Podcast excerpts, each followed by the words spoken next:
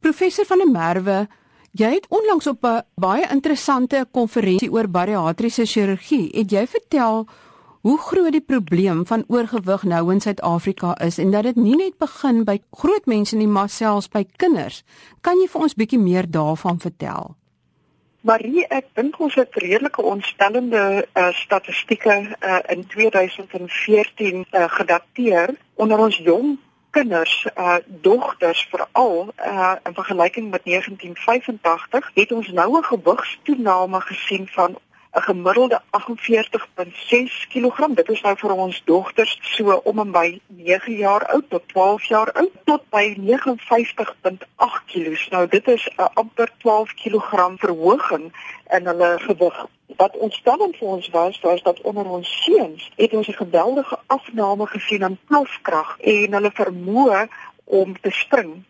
Dit het gepaard gegaan met 'n iets wat kleiner gewigstoename, ongeveer 2 kg van 1985 af, maar dit is baie duidelik dat hulle plofkrag wat gekoppel word aan hulle spiermassa, wanneer ons nou praat van plofkrag, bedoel ons is daai oudtyd van medisyneballe wat jy van jou bors af moes druk, die 2 kg bal, het geweldig verswak van 1985 af tot 2014 en hulle vermoë om die drie sprong te doen, het ook geweldig afgeneem.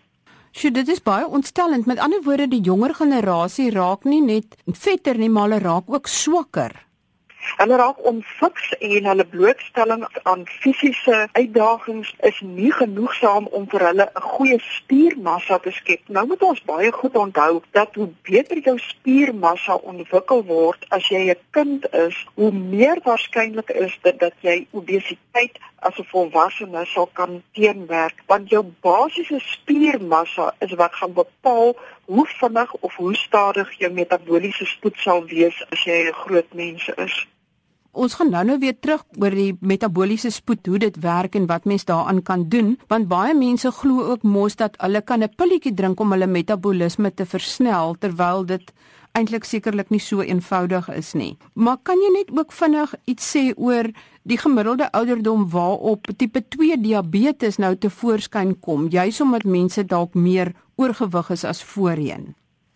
weet jy in die jare wat ek my opleiding gedoen het, was dit 'n absolute rariteit om 'n tipe 2 diabetes te diagnoseer in die hospitaal voor die ouderdom van 45 jaar. Dit was gemiddeld die ouderdom wat ons gesien het waarop die oorgrootste meerderheid van die pasiënte na die kliniek toe gekom het vir 'n nuwe diagnose. As ons kyk na die nuutste statistieke, is daar 'n geweldige toename amper tot 40% van ons nuwe diabetes wat nou gediagnoseer word, word gediagnoseer so jonk as 20 tot 25 jaar. En daar's ook kinders so jonk as 9 jaar oud wat nou gediagnoseer word met tipe 2 diabetes. Nou natuurlik, dit is 'n geweldige 'n eh, belangrike gesondheidspunt om aan gedagte te hou van ons ekonomiese behandeling af vir die eenvoudige rede dat hoe langer jy met tipe 2 diabetes voortgaan, hoe groter en hoe groter word die kans dat jy komorbiditeite gaan ontwikkel na 'n verdrag van omtrent 10 tot 12 jaar. So as jy 'n groot mens het wat op 20 jaar al 'n tipe 2 diabetes het en behandel word, is daar 'n goeie waarskynlikheid dat teen 30, 35 jaar ons gaan sit met komplikasies soos nierversaking, hartaantasting, selfs 'n uh, gaan geen van die ledemate en so aan. Suid-Afrika is ook een van die lande wat die hoogste persentasie het van mense wat oorgewig is. Ons kompeteer nou al sterk met Amerika en selfs met Engeland.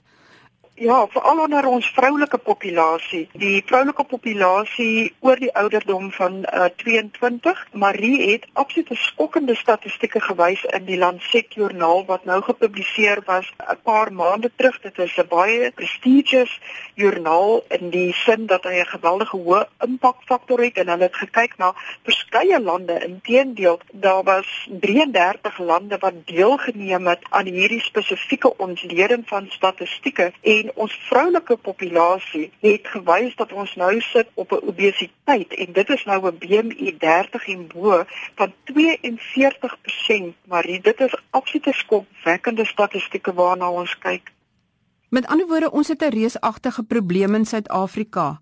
Wat vir my baie interessant was op die konferensie is dat jy gesê het dat dit nie net bloot 'n kwessie van wilskrag is om te begin om op 'n dieet te gaan of om gewig te verloor nie, maar dat dit baie meer kompleks is as dit. Ook is daar onlangs verwys dat dit is eintlik eerder 'n eetverslawing pleks van 'n kosverslawing wat die groot probleem dalk beter omskryf.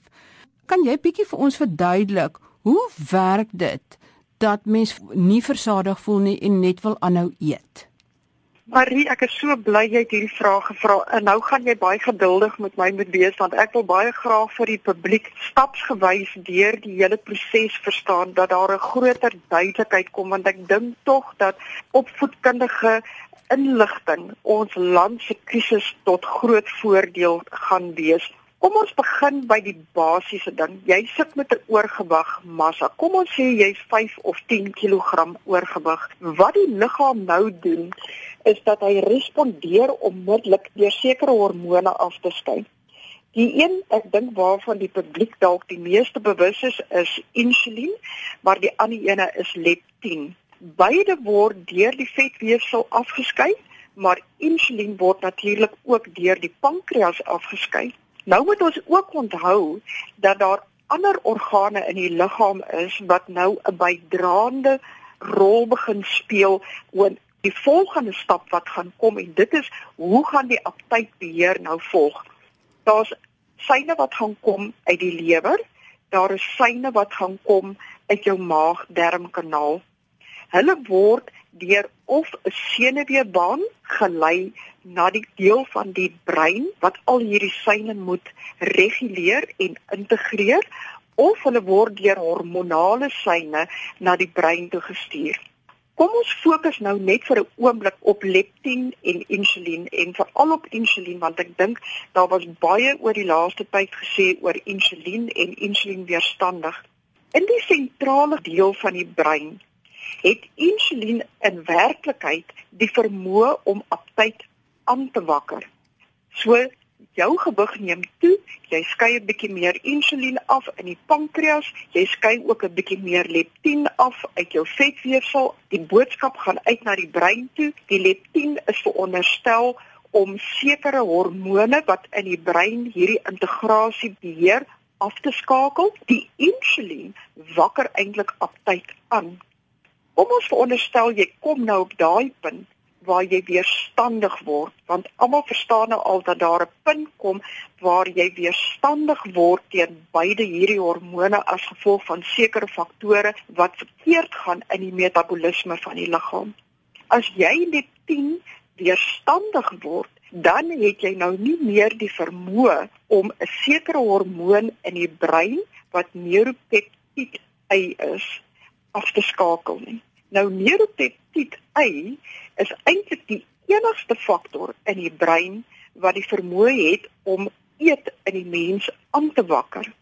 As jy kyk na insulien, as jy weerstandig geword het, moet jy eintlik streng gesproke nou die vermoë het om jou eetvermoë sentraal af te skakel. En dit is hoekom dit so belangrik is dat ons nie moet te smous loop met hierdie konsep van insulienweerstandigheid laat jou eet nie. Dit is eintlik 'n teendeel andersom. Daar is sekere ander hormone wat van die maag-darmkanaal afkom. Ek dink die een waaroor daar die meeste gepraat word op die oomblik is glucagon-like peptide 1. Ons noem dit sommer vir die publiek se onthaalbe vinnig GLP-1.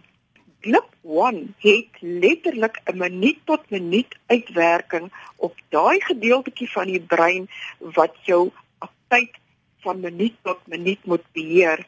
So daar is 'n baie komplekse interaksie tussen die seine wat kom van die vetweefsel af en van die gastro-intestinale kanaal. Nou hoe beïnvloed dit ons as mens? In die mens het ons twee groot regulerende meganismes van aptyd. Daar is daai meganismes wat oor 'n lang termyn plaasvind. Ons noem hulle die hedoniese eetmeganismes. Met ander woorde vir die publiek se onthaalwe, dit is daai meganismes wat jou laat eet vir die lekker al weet jy jy is nie veronderstel om dit te doen nie. So dit is jy eet omdat dit lekker is, nie omdat jy noodwendig honger is of omdat jy die Correct. kos nodig het nie Absoluut Marie. Nou daai gedeelte van ons gedrag is gekoppel aan ons eetpatrone wat gewoontevormend word. Dit is nie 'n verslawing nie. Ons moet heeltemal wegkom van hierdie konsep van ek is verslaaf aan suiker. Daar's in geen literatuur ooit bewys dat jy verslaaf raak aan 'n sekere kossoort nie. Maar wat wel gebeur is dat ons gedragspatrone wat vir ons 'n tevredenheid skep, 'n sekere gedeelte van die brein wakker maak. As jy dit herhaaldelik doen van kindsbeen af en ons weet ek en jy weet dit het gebeur op sosiale geleenthede, dit gebeur as ons goed vier, dit gebeur as ons hartseer is, dit gebeur as ons opgewonde is, dan lê die brein 'n sekere gedragspatroon vas. Ons noem dit 'n chunk of behavior. Daai bondel, as ek dit dan so kan noem, Marie, word in die limbiese stelsel van die brein gestoor. En volgende keer as jy weer 'n ontsteltenis het of opgewonde is of hartseer is of iets wil vier, dan word daai hedoniese gedeelte van die brein, daai lekker kry deel van die brein word gestimuleer en daai blok van gewoonte, daai chunk wat ons gestoor het, word onmiddellik geaktiveer en voordat jy dit weet, het jy iets geëet wat jy eintlik nie wou geëet het nie en wat jou aptytsenter wat heeltemal op 'n ander plek in die brein lê, glad nie vir jou gesê het, maar jy moet dit nou gaan doen nie en dit is waar dit so moeilik word om die proses om te keer. Dit is geweldig moeilik om daai daai blok van geheue uit die brein uit om te keer. En dit is hoekom mense so geweldig sukkel met uh gewone dieetkundige riglyne en wat ons noem lewenstyl gedragpatrone want daai blok moet ontskryf word. Voordat jy verder gaan, jy het 'n baie interessante skuifie gewys by die konferensie van hoe muise se gedrag verander het. En dit was baie interessant om eers te sien hoe hierdie chunk eintlik so half ek wil amper sê buite die brein lê en hoe dit al hoe dieper en dieper in die brein ingebed word en dit was amper vir my 'n metafoor van hoe die gedrag, hierdie gedrag wat jy dan aanleer jou uh, gewoonte al hoe dieper en dieper in jou brein neergelê word en met ander woorde al hoe moeiliker weer uit jou brein uit sal kan gaan. Maar jy het dit so mooi beskryf. Ek kon dit nie beter verwoord het nie. En dit is waarom ons soveel aandag moet gee aan ons jeug en wat ons hulle moet leer. Want die tyd wat jy uitkom by 'n volwasse stadium is daai imprinting, daai chunk, daai blok wat jy gestoor het in die striatum van die brein is so diep ingewortel dat om daai patroon om te keer word geweldig moeilik en dit is dan wanneer ons begin sê nou moet ons kyk na mediese intervensie want duidelik kan jy nou besef dat jy kan nie net met 'n gewone intervensie daai probleem oorkom nie en dit is wanneer mense moet begin kyk na die opsie van metaboliese chirurgie en waarskynlik hopelik in die toekoms veilige medikasie wat hulle kan help om hulle hormonale prosesse sodanig te verander dat dit hulle kan bystaan om daai chunk te omskryf. Wat is dan die tweede meganisme wat in jou brein gebeur wat vir jou sê om te eet? Dit is nou wat ons noem jou homeostatiese gedeelte van jou eetsentrum en dit lê op 'n klein plekkie in die brein maar jy kan nie glo dat so klein areaatjie van die brein sulke dramatiese werk kan doen letterlik op 'n minuut tot minuut uur tot uur basis.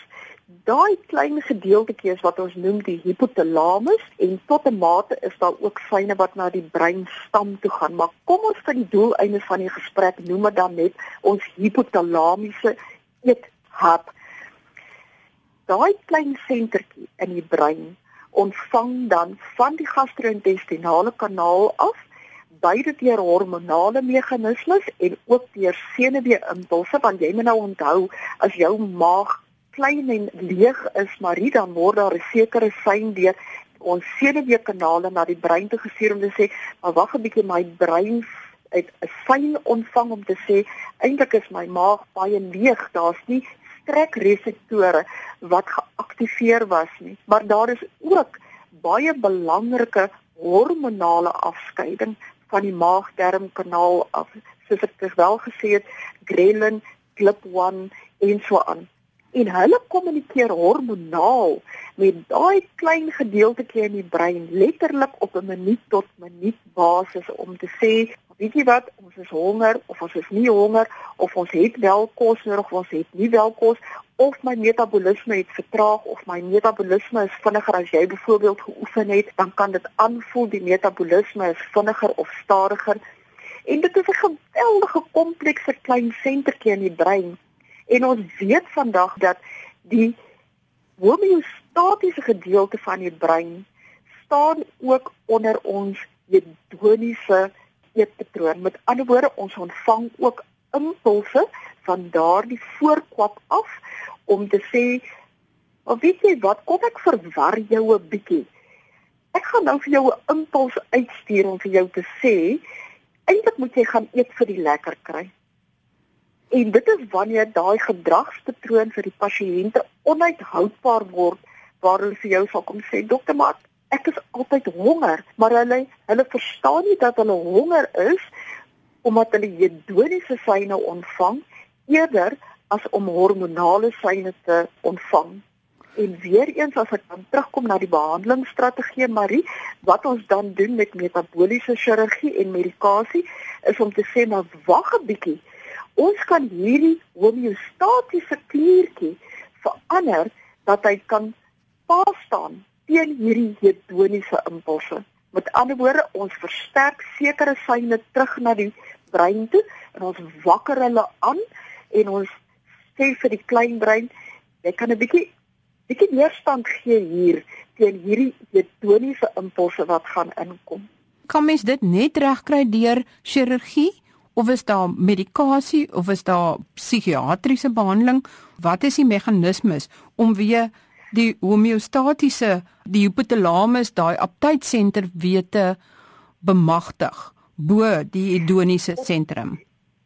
Dis 'n baie goeie vraag, maar op hierdie stadium is die beste manier om dit te omskryf of dit te herskryf met metabooliese chirurgie. Ons werk baie hard wêreldwyd aan sekere medikasies want natuurlik omdat ons nou 'n voorbeeld het van wat kan gebeur met metabooliese chirurgie, weet ons watter hormone om te versterk. Ons het baie kliniese lesse geleer uit hierdie chirurgie wat ons gebruik en ons werk baie hard wêreldwyd om nou die medikasie te probeer vervaardig wat dit kan copycat as ek dit so kan stel. Maar waar dit belangrik word is om te sê ons moet ook werk doen aan die hedoniese kant want as ons daai kant van die skaal kan swakker maak dan natuurlik uiteraard gaan die effek wat ons het op die op die hipothalame soveel te beter wees. Nou waar begin 'n mens daarmee? En dit is hoekom kinderoorgewig vir my so na aan die hart lê. Ons moenie toelaat dat ons in ons jeug 'n situasie skep waar ons daai blok van gedrag in ons kinders se breine permanent inwerk, want dan moet al daai werk weer deur sielkundige behandeling en gedragsmodifikasie en waarskynlik ook dalk deur medikasie en chirurgie teen die tyd wat hulle volwassenes is weer geherprogrammeer word. Kan psigiatriese behandeling of sielkundige behandeling help om hierdie hedoniese gedragspatroon te breek? Hoe suksesvol is dit? Het 'n ondervinding daarmee?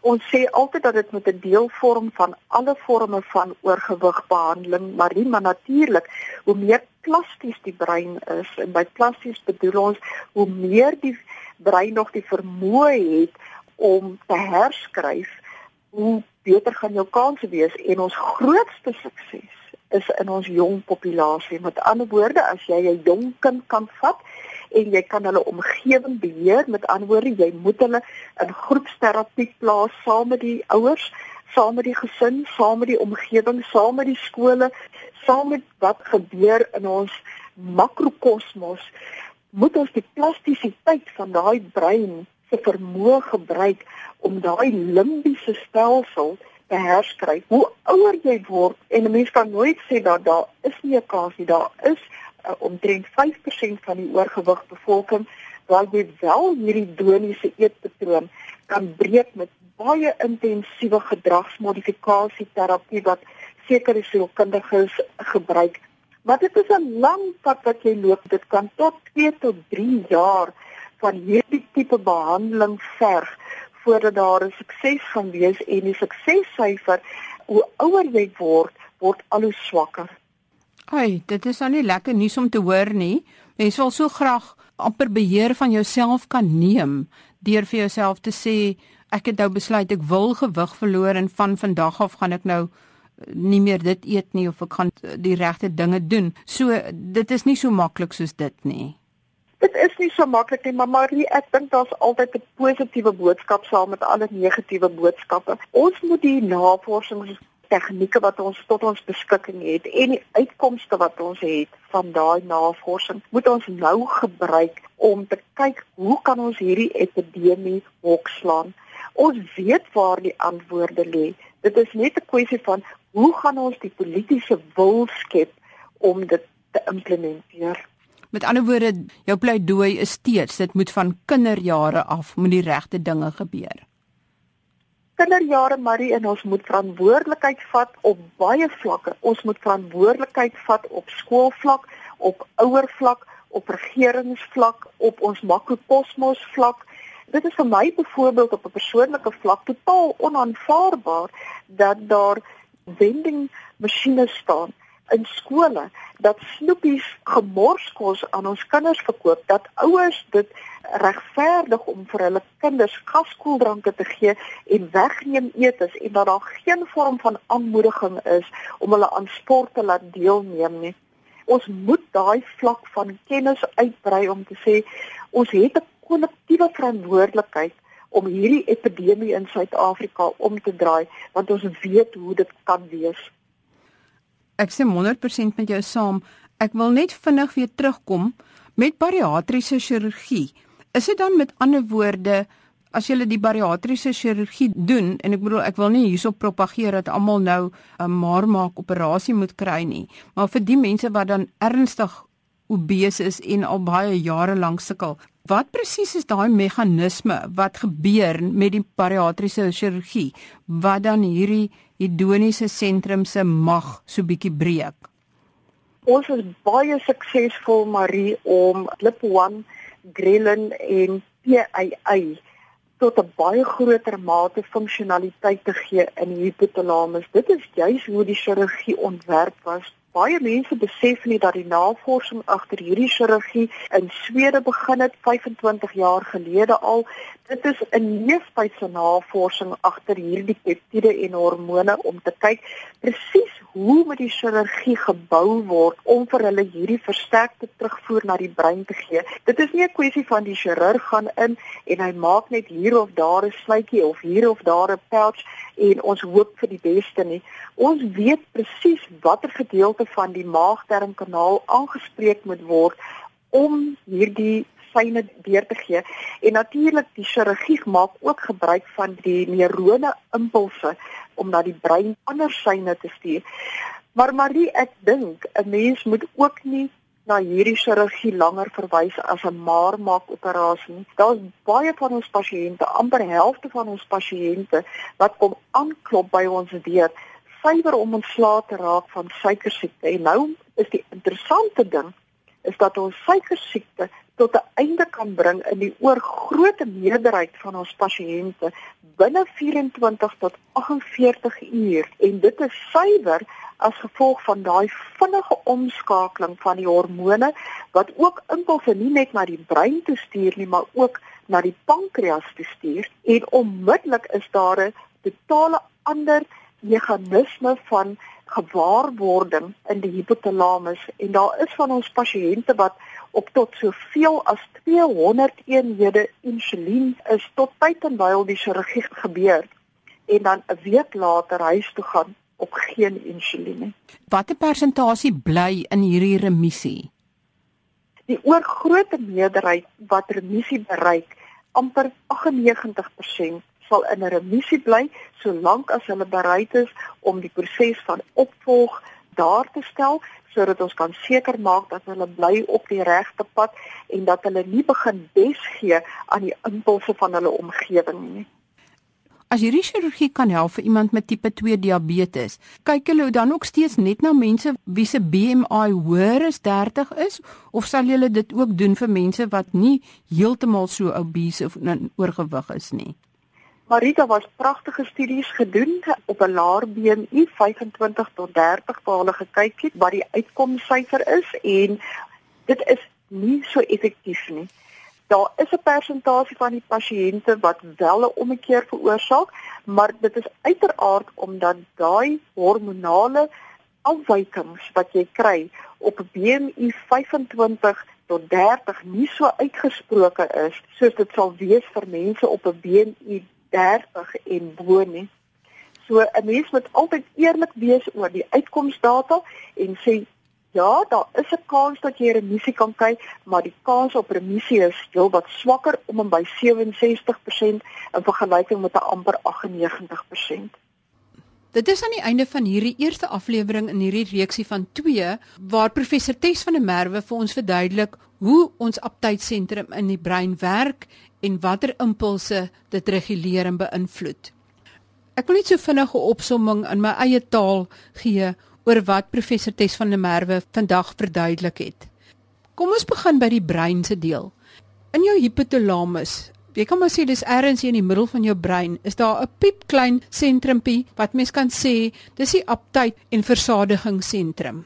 Stel jou voor hierdie sentrumpie is 'n dirigent wat op 'n podium staan en 'n orkes dirigeer maat vir maat. Met ander woorde, soos wat die syne van die maag, van die pankreas, van die lewer en van oral in die spysverteringskanaal afkom en die brein bereik, of dit nou via hormone is wat dit bereik soos insulien, grelin, gliptin-1, allerlei hormone met vreemde name of via die senuweestelsel wat dit impulse stuur vanaf die maag want as die maag rek of nie rek nie dan stuur dit impulse na die brein toe wat sê o hier's nou kos in my maag of o is nie kos in my maag nie en ek is nou honger. En hierdie dirigent dirigeer hierdie orkes maat vir maat in die fynste besonderhede om seker te maak dat jy eet wanneer jy honger is en dat jy ophou eet wanneer jy versadig is En alles behoort in presiese balans te wees.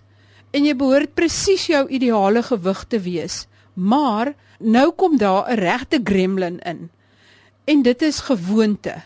Mens begin deur gewoonte te eet al is jy nie honger nie. Net agter die lekker aan of omdat jy emosioneel is of omdat jy hartseer is of omdat jy bly is en daai boodskappe gaan lê hier voor in die frontale deel van die brein. En wat dan mettertyd gebeur daai boodskappe in daai gewoonte gaan lê al hoe dieper en dieper en dieper in die brein en dan begin hierdie groot gremlin vir die dirigent te sê hoe om sy orkes te dirigeer en dan kan die dirigent ook nie meer sy orkes mooi dirigeer om mooi musiek te maak nie en alles loop skeef.